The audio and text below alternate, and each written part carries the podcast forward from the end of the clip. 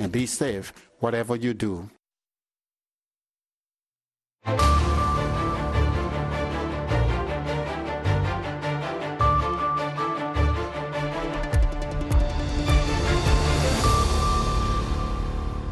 subax wanaagsan dhegeystayaal kuna soo dhowaada idaacadda subaxnimo ee laanta afka soomaaliga ee v o a oo idinkaga imaaneysa washington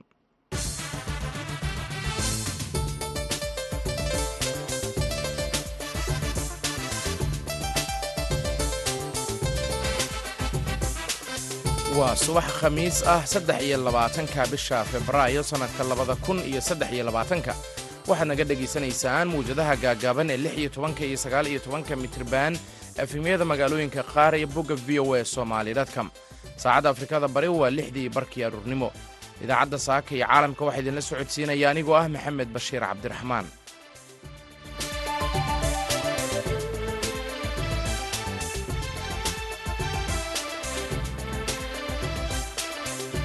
qodobada dhegaystayaal aad ku maqli doontaan idaacaddeenna waxaa ka mida golaha ammaanka ee qaramada midoobay oo yeeshay kulan gaar ah oo uu kaga hadlayo xaaladda soomaaliya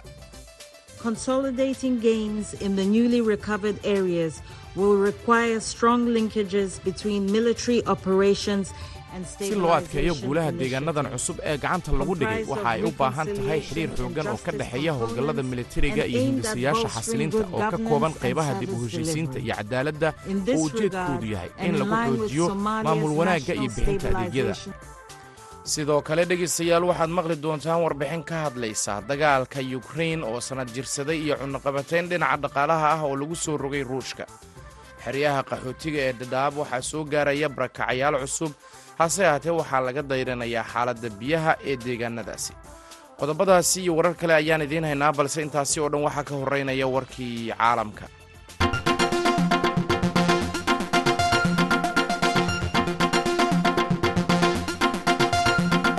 Saraakiisha bakistan ayaa sheegaya in wasiirka gaashaandhigga ee dalkaasi uu ku sugan yahay afghanistan uuna la kulmay saraakiisha taalibaan dadaal lagu doonayo in lagu xaliyo xirnaanshaha marinka muhiimka ah ee xadka u dhexeeya labada dal ee deriska ah.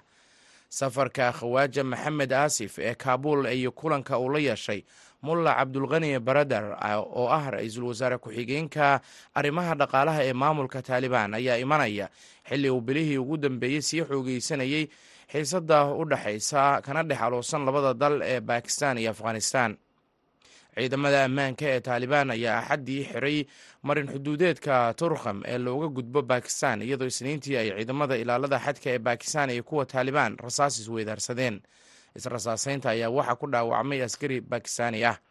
Isku socodka xuduudda ayaa maalintii shalay ee arbacada waxa ay ahayd mid maalintii afraad oo xiriira xirneed madaxa isbahaysiga neto ayaa sheegay in xulafada militari ay arkayaan calaamado muujinaya in laga yaabo in shiinuhu uu qorsheynayo in ruushka uu ku taageero dagaalka uu ka wado dalka ukrain waxaana isbahaysigu si adag ugu booriyey shiinuhu inuu ka joogsado waxa uu ugu yeeray wax noqon kara xadgudubka dhana sharciga caalamiga ah. Xogayaha guud ee neto henes stoltenberg ayaa waraysi uu siiyey wakaaladda wararka associated press waxauu ku sheegay in isbahaysigu uu inkastoo uu qayb ahaan dagaalka uusan qayb ka ahayn dagaalka uu haddana taageeri doono ukrain inta ay ka qaadanayso. Shiinaha ayaa diiday inuu dhaleeceeyo duulaanka ruushka ee ukrain isagoo xoojiyey sheegashada moscow ee ah in maraykanka iyo neto ay yihiin kuwa ka dambeeya daandaansiga ka dhanka ah kremlinka xogayaha guud ee maraykanka antony blinken ayaa sheegay in kuluglaanshaha kasta oo shiinuhu ku gacan siiyo dagaalka kremlinka u wado ay noqonayso dhibaato culus. Warkii dunidana dhegeystayaal waa naga intaa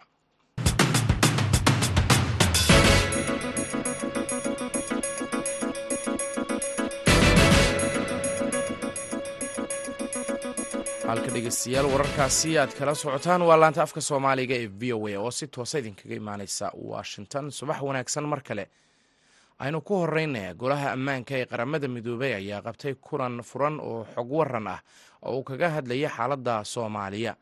Kulanka ayaa warbixin ka dhageystay kusimaha ergeyga gaarka ah ee xogayaha guud ee qaramada midoobey u qaabilsan soomaaliya ahna madaxa xafiiska kaalmeynta ee ansom anita kiki giboho oo ka warbixisay xaaladihii ugu dambeeyey ee dhinacyada siyaasadda amniga iyo bini-aadanimada ee soomaaliya. Safiirka waa safiirada dowladaha xubnaha ka ah golaha ammaanka sida maraykanka ayaa iyana ka hadlay kulanka ay golaha ammaanku kaga hadlayeen xaaladda soomaaliya. Waana tan warbixin arrintaasi ku saabsan oon idiin hayo gibiho ayaa ka hadashay horumarka laga sameeyey hirgelinta siyaasadaha mudnaanta u leh dowladda federaalk ee soomaaliya sida horumarinta dib u heshiisiinta xoojinta nidaamka federaalka ah iyo wada shaqaynta dowladda federaalka iyo kuwa dowlad goboleedyada iyo sidoo kale sii wadista dagaalka ka dhanka ah al-shabaab. Iyadoo ka hadlaysa arrimahan ayay tiri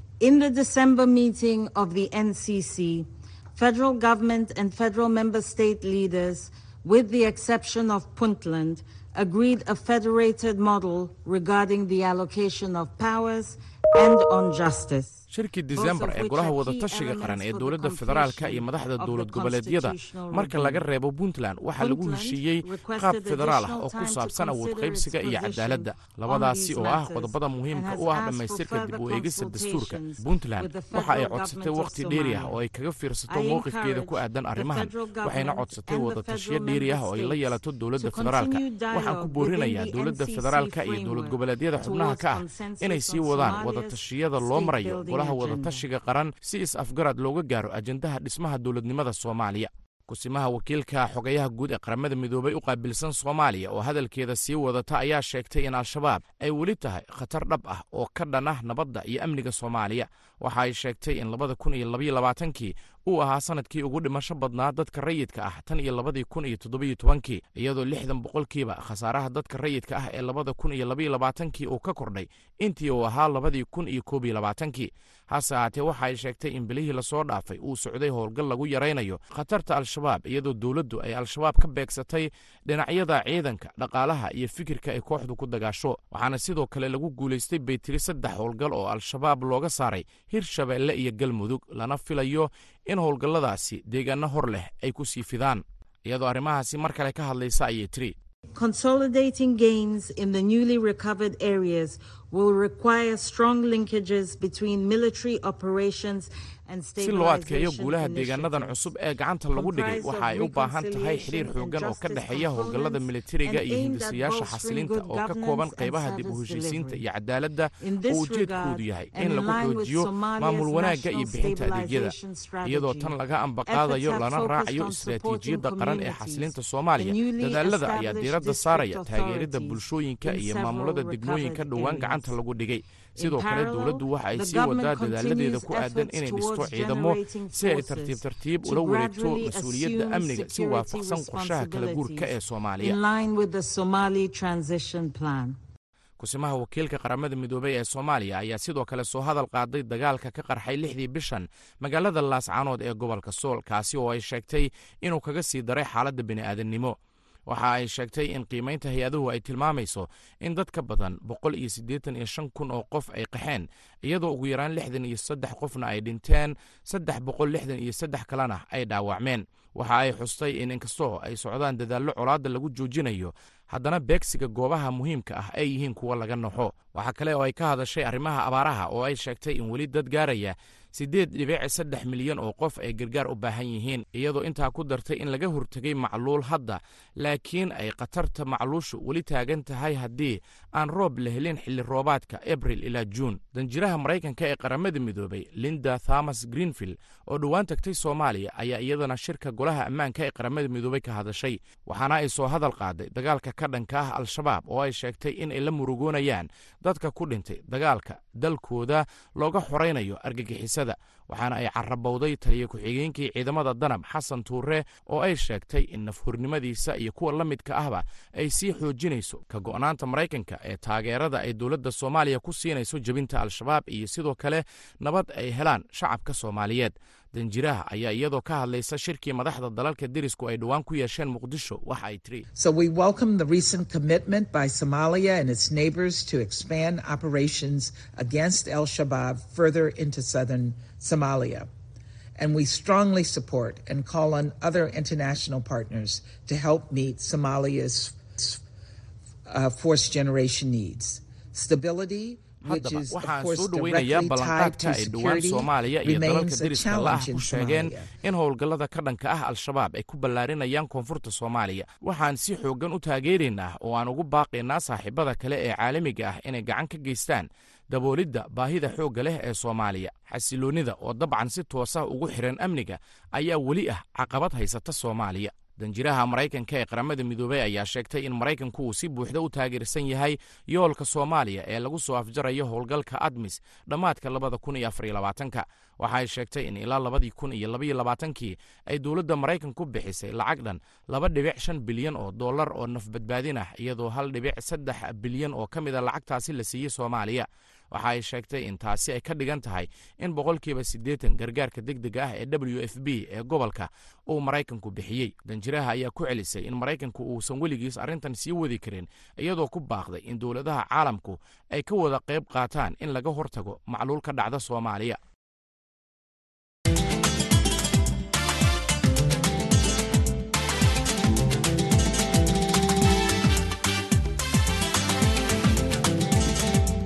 wanaagsan dhegaystayaal mar kale iyadoo haatan sanad jirsaday dagaalka uu ruushku ku qaaday ukrain ayaa dalalka reer galbeedku waxaay cunuqabateyno kala duwan ku soo rogeen dalka ruushka si ay u cuuriyaamiyaan dhaqaalaha uu ruushku u isticmaalayo dagaalka.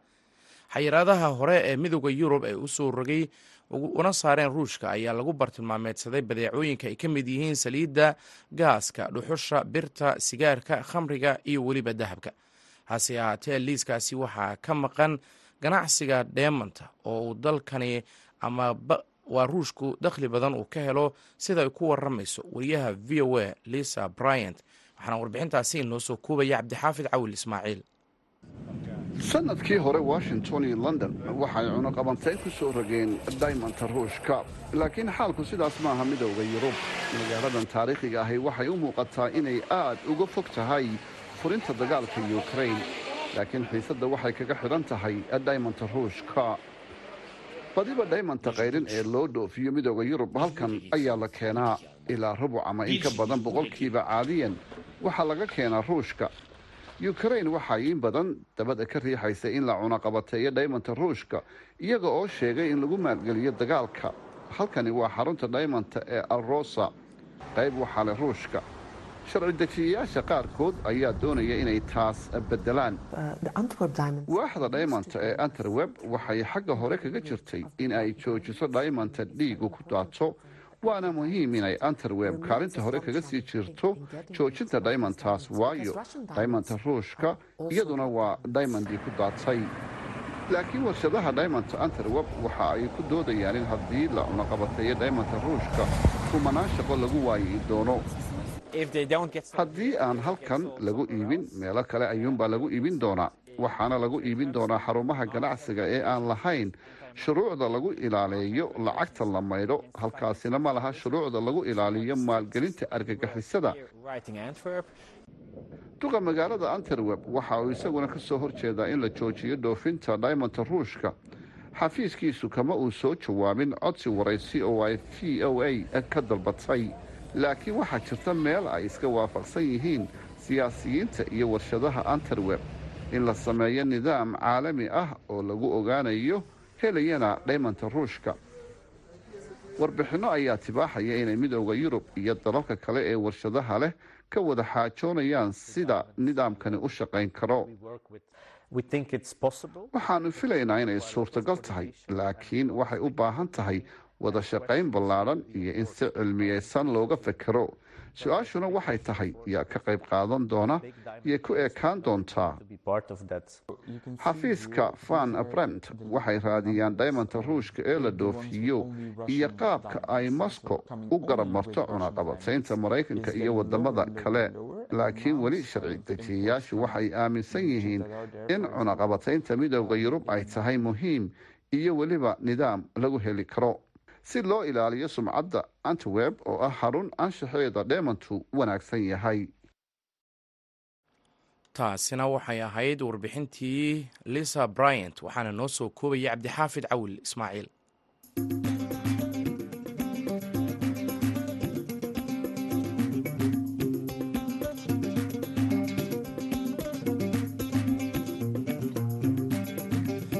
haweenay u dhalatay dalka britain oo horey loogala laabtay jinsiyadda dalkaasi kadib markii ay iyadoo da'yar u safartay dalka syriya si ay ugu biirto kooxda daacish ayaa ku guuldaraysatay racfaan ay qaadatay iyadoo haatan halgan ugu jirta sidii ay mar kale dib ugu heli lahayd jinsiyadda britain.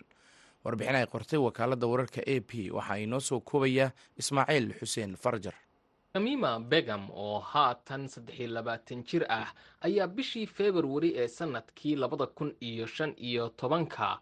Waxay u safartay dalka syriya iyada iyo laba hablood oo kale si ay uga barbar dagaalamaan kooxda isis.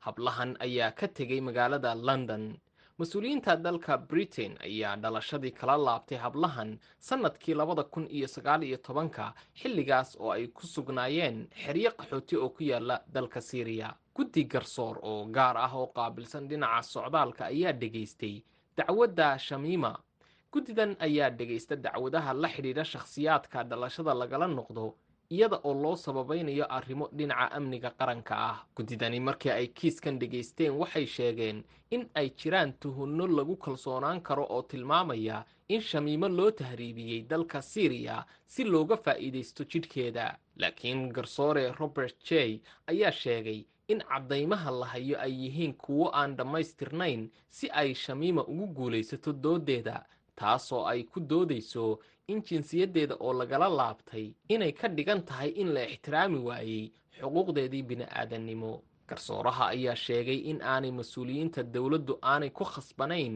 in ay fududeeyaan soo laabashada shamiima garsooraha ayaa tibaaxay in inkasta oo shamiima loo haysto arrimo taabanaya dhinaca amniga qaranka in haddana arrintan xasaasiga ahi ay u taallo in uu qiimeeyo xogayaha arrimaha dibadda ee u k balse aanay u oolin komishankooda garyaqaanka shamiima ayaa ku dooday in xukunkani uu awood badan siiyey xogayaha arrimaha gudaha isaga oo sheegay in uu racfaan qaadan doono daniel farner oo ka mida garsoorayaasha shamiima ayaa sheegay in dacwaddani aanay dhammaanayn xilliyada soo socda. Daniel ayaa si weyn u dadafeeyey go'aanka xogayaha arrimaha gudaha ee u k isaga oo ku tilmaamay in go'aankaasi uu shamiimo ka dhigay qof aan dal iyo dad toona lahayn isaga oo ku dooday in kiiskeeda loola macaamilo sidii ilmo la tahriibiyey oo kale.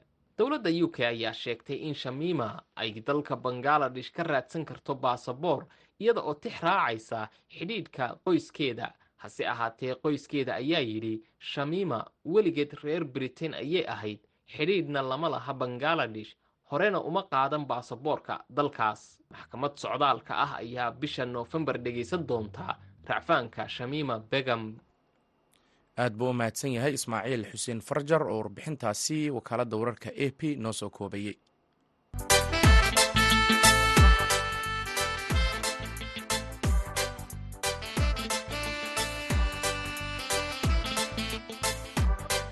subax wanaagsan dhegeystayaal mar kale waxaad nagala socotaan laanta afka soomaaliga ee v o a. Iyadoo toddobaad kasta ee xeryaha qaxootiga ee dhadhaab ay soo gaarayaan qaxooti fara badan oo ka soo cararaya abaaraha kadib markii ay xoolo beeleen ayaa haatan waxay qaxootigaasi cabasho xoog leh ka muujinayaan dhinaca helitaanka biyaha. Warbixin arrintan ku saabsan waxaa xeryaha dhadhaab ka soo diray wariyaha v o a cabdisalaam salas iyadoo maalmihii la soo dhaafay hay'adda qaxootiga adduunka ee u n h r ay boonooyin u qaybisay boqolaal qoys oo qayb ka ah qaxootiga cusub ee abaaraha ka soo barakacay ayaa qaar ka mid a hogaamiyaasha xeryaha waxay ka dhayrinayaan xaaladda ay wajahayaan qaxootiga cusub maadaama aysan helin gurmud iyo gargaar ku filan. Iyadoo toddobaad kastana qoysas qaxooti ah oo nololdoon ah ay soo gaaraan gudaha kaamka dhadhaab dahbo qoole cabdi oo ah guddoomiyaha xerada dhagaxley oo dhowr jeer ka hadashay dhibaatada ay ku nool yihiin qaxootiga cusub. Ayaa codsatay in si deg deg ah loo caawiyo qoysaska abaarta ka soo barakacay. Magacayga waxaa la yidhaahdaa dahbo qoole cabdi. Waxaan ka hadlahayaa dhibaatada ka jirta saddexda xero khaasatan xerada dhagaxley. Dhagaxley waxaa dhex degan dad masaakiina oo farabadan dad fara badan oo baahano ah oon kaar lahayn oo iyo dad maxaanku dhahay soo laabtay oo ritaaniis ahoo intay soomaali u guureen ayagana meelay ku noolaadaan soo waayeen oo soo laabteen. Dadkaa faraha badan ee baahanaha ah waxay ku nool yihiin xerada dhagaxley waa dad aad iyo aad u duruufaysan. Dhibaatada dadkaasayse lama soo koobi karo. Way baahan yihiin hooy ma haystaan waxay cunaan ma haystaan. Dadkaas dhibaatada haysata baahida faraha badan cudurna way keentaa dhibaato fara badanna way keentaa xataa nabadgelyo la'aan bay keeni. Haddii oo qofku uu baahdo qof u haysta ma fiirsanayo aad iyo aad bay dadka u dhibaataysan yihiin. Dadka islaamka ah ee ilaahay waxsiiyey. Dadkaas waxaan rabnaa oon ka codsanaynaa inay dadka masaakiinta u soo miciinaan ilaahay dartii wax ugu qabtaan wax allaalihii wixii tabartooda ah dadkaas la soo fiiriyo. Waxay musquul ma haystaan? Xataa gogol ay ku seexdaan ma haystaan? Khaasatan waxaan fariin aan u dirahayaa culimo owdiinka culimo owdiinka waxaan leeyahay dadka masaakiinta ah ee la isu ciqaabahayo ee nagu dulgaajaysan ee hooyla-aanta ah in inti karaankooda ay dadkaas ay u qayliyaan. Dadkii haddii ay imaadeen meesha ay imaadeenna waxa rafaad aan ka ahayn oo ay ugu imaadeen ma ay jirto. Cid kaloo wax u qabatay ma leh. Waxba lama siin biyaha iyo daawada oon lacag ahayn bay qaxootiga la qabaan. Inta kaleeto wax ay haystaanoo ilaahay abuurta ma jirto. Qaxootiga cusub oo badankood aan haysan guryo ay ku hoydaan ayaa dhibaatada ugu badan waxay u maraan helitaanka biyo ay cabaan ayagoo sheegay in saqdii dhexa habeenka ay safaf u galaan goobaha biyaha laga dhaansado magaceyga waxaa waa la luul cusmaan cabdi. Waxaan deganahay xarada qaxootiga gaar ahaan buulbakti xagga biyaha nolosha koowaad horta waxaa waaye biyaha xagga biyahana dhibaato weyn aad iyo aad dhibaato weyn ku qabnaa. Sagaal sac habeennimo annagoo dumar ah yaan intaan bannaan u soo baxno feel dhiganaa hadde qof bilcaan oo habeen soo baxna wax walbuu la kulmi karaa. Dhibaato aad iyo aad u weyn ku qabnaa xagga biyaha. Sagaal sac oo habeennimo feel dhiganayna laga yaabaa inaan laba annagoo saacaddaas soo kacnay. Laga yaabaa dad ana haddaan hel ruux igu feelsanayo gadaal iga jira inuusan helin. Dhibaatadaas xagga biyaha aad iyo aad aan u qabnaa hay'adda wayna caawiso tuubooyin iyo noo surtay laakiin tuubooyinka qaarkooda waa lagu oomiya weli wax biyo laga hela ma laha. Waa tahay luul halkeebaad ka soo barakacdeen? Inta aadan qaxootiga imaan ka hor. Waxaan ka soo barakacay jubbada hoos gaar ahaan magaalada kismaayo. Xoolo dhaqatana ma ahayn magaalana ma joogon beer tabcataad ahaan dad beeraha tabcadaan ahayn waa tahay qoyskaaga mise ayuu ka kooban yahay? Qoyskay wuxuu ka kooban yahay afar iyo toban ruux. Afar iyo toban ruuxaan ka koobannaha halkaad arkaysaan degannaha waxaan biyo u cabnaa hadda feel baa dhiganaa feelkaasaan ku cabnaa qofka qofkii ka horreeyey ruuxii ka dambeeyey labo halhalaan qofba halaalsiina halhalkaasaan meersanayna ma kolkii tirada ay noo degta haddana meeshii haddana hadday tuubadii noo socoto aan ka sii bilaabna haddana labo labo si aan u helno inuugu gaarto. Ruuxii saaka aan naga caba haddana waxaan yeelnaa ruuxii saaka halka xaba hele walaalay adna hal baa hesha amba labaa hesha saakay bal ruuxana saaka aan waxba helinin asi saa tuubada hadda sagaalka sac kolkay soo dhacda lagu bilaabo. Saasaan isku caawinaa oo isku biyaha isku siinaa ugu dambayntiina barakacayaashan u xuub siibtay qaxootiga ayaa ah dhibanayaal u badan xoolo dhaqato abaartu ay dhaafisay xoolihii ay dhaqan jireen.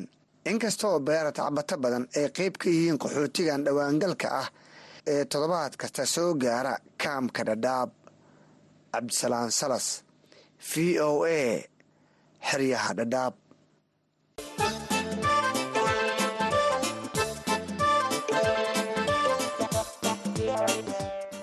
weli dhegeystayaal laanta afka soomaaliga ee v o a ayaad nagala socotaan daqiiqadaha idaacadda nooga haray bal qodobadii wararka caalamka aan idiin dulmaro. Saraakiisha bakistan ayaa sheegay in wasiirka gaashaandhigga ee dalkaasi uu ku sugan yahay afghanistan uuna la kulmay saraakiisha ugu sarreysa taalibaan dadaal lagu doonayo in lagu xaliyo xirnaanshaha marinka muhiimka ah ee xadka u dhexeeya labada dal ee deriska ah safarka khawaaja maxamed aasif ee kabul iyo kulanka uu la qaatay mullah cabdulqani baradaar oo ah ra'iisul wasaare ku-xigeenka arrimaha dhaqaalaha ee maamulka taalibaan ayaa imanaya iyadoo bilihii ugu dambeeyey ay sii xoogeysanaysay xiisadda ka dhex aloosan labada dal ee afghanistan iyo bakistan ciidamada ammaanka ee taalibaan ayaa axaddii xiray marinka xuduudeedka turkham ee looga gudbo bakistan iyadoo isniintii ay ciidamada ilaalada xadka ee labada dal ku dagaalameen ama ay rasaas iswedaarsadeen israsaaseynta ayaa waxaa ku dhaawacmay askari ka tirsan ciidamada bakistan isku socodka xuduudka ayaa maalintii shalay ee arbacada ahayd. Waxa ay ahayd maalintiisii afraad oo si xiriira u xirnaa madaxa isbahaysiga neto ayaa sheegay in xulafada militari ay arkayaan calaamado muujinaya in laga yaabo in shiinuhu uu qorsheynayo inuu ruushka ku taageero dagaalka uu ka wado ukrain waxaana uu si adag ugu booriyey isbahaysiga neto in shiinuhu uu ka joogsado waxa ugu yeeray wax noqon kara xadgudub ballaaran oo ka dhana sharciga caalamiga ah. Xogayaha guud ee neto hennes stoltenberg ayaa waraysiga uu siiyey wakaaladda wararkeeda associated press waxa uu ku sheegay in isbahaysiga inkastoo uusan qayb ka ahayn dagaalka ukrain haddana uu taageero iyo garab siin doono ukrain inta ay qaadato. Dhegeystayaal markanna dhinaca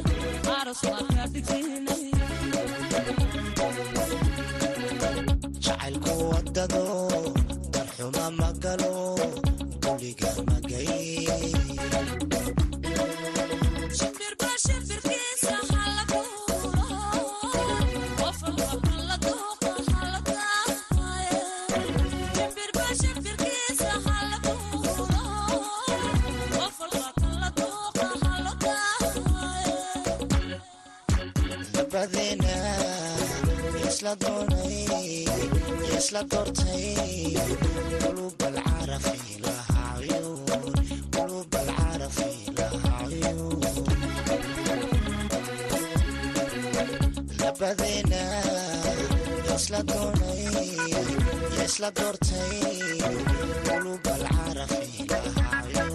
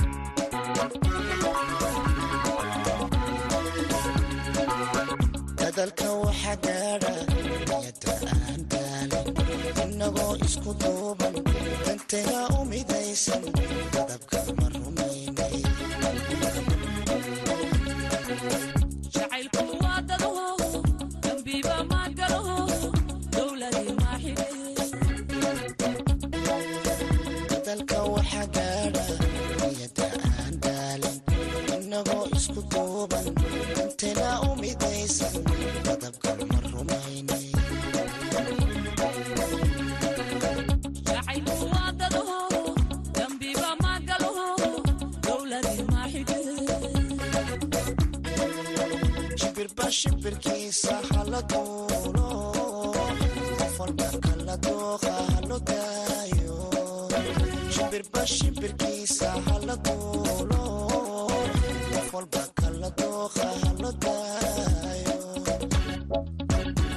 dhegeystayaaalintaasina waxaa ku eg idaacaddii subaxnimo oo si toosa idinkaga imaanaysay laanta afka soomaaliga ee v o a. Tan iyo kulanti dambe waxaan idin leenahay nabadgelyo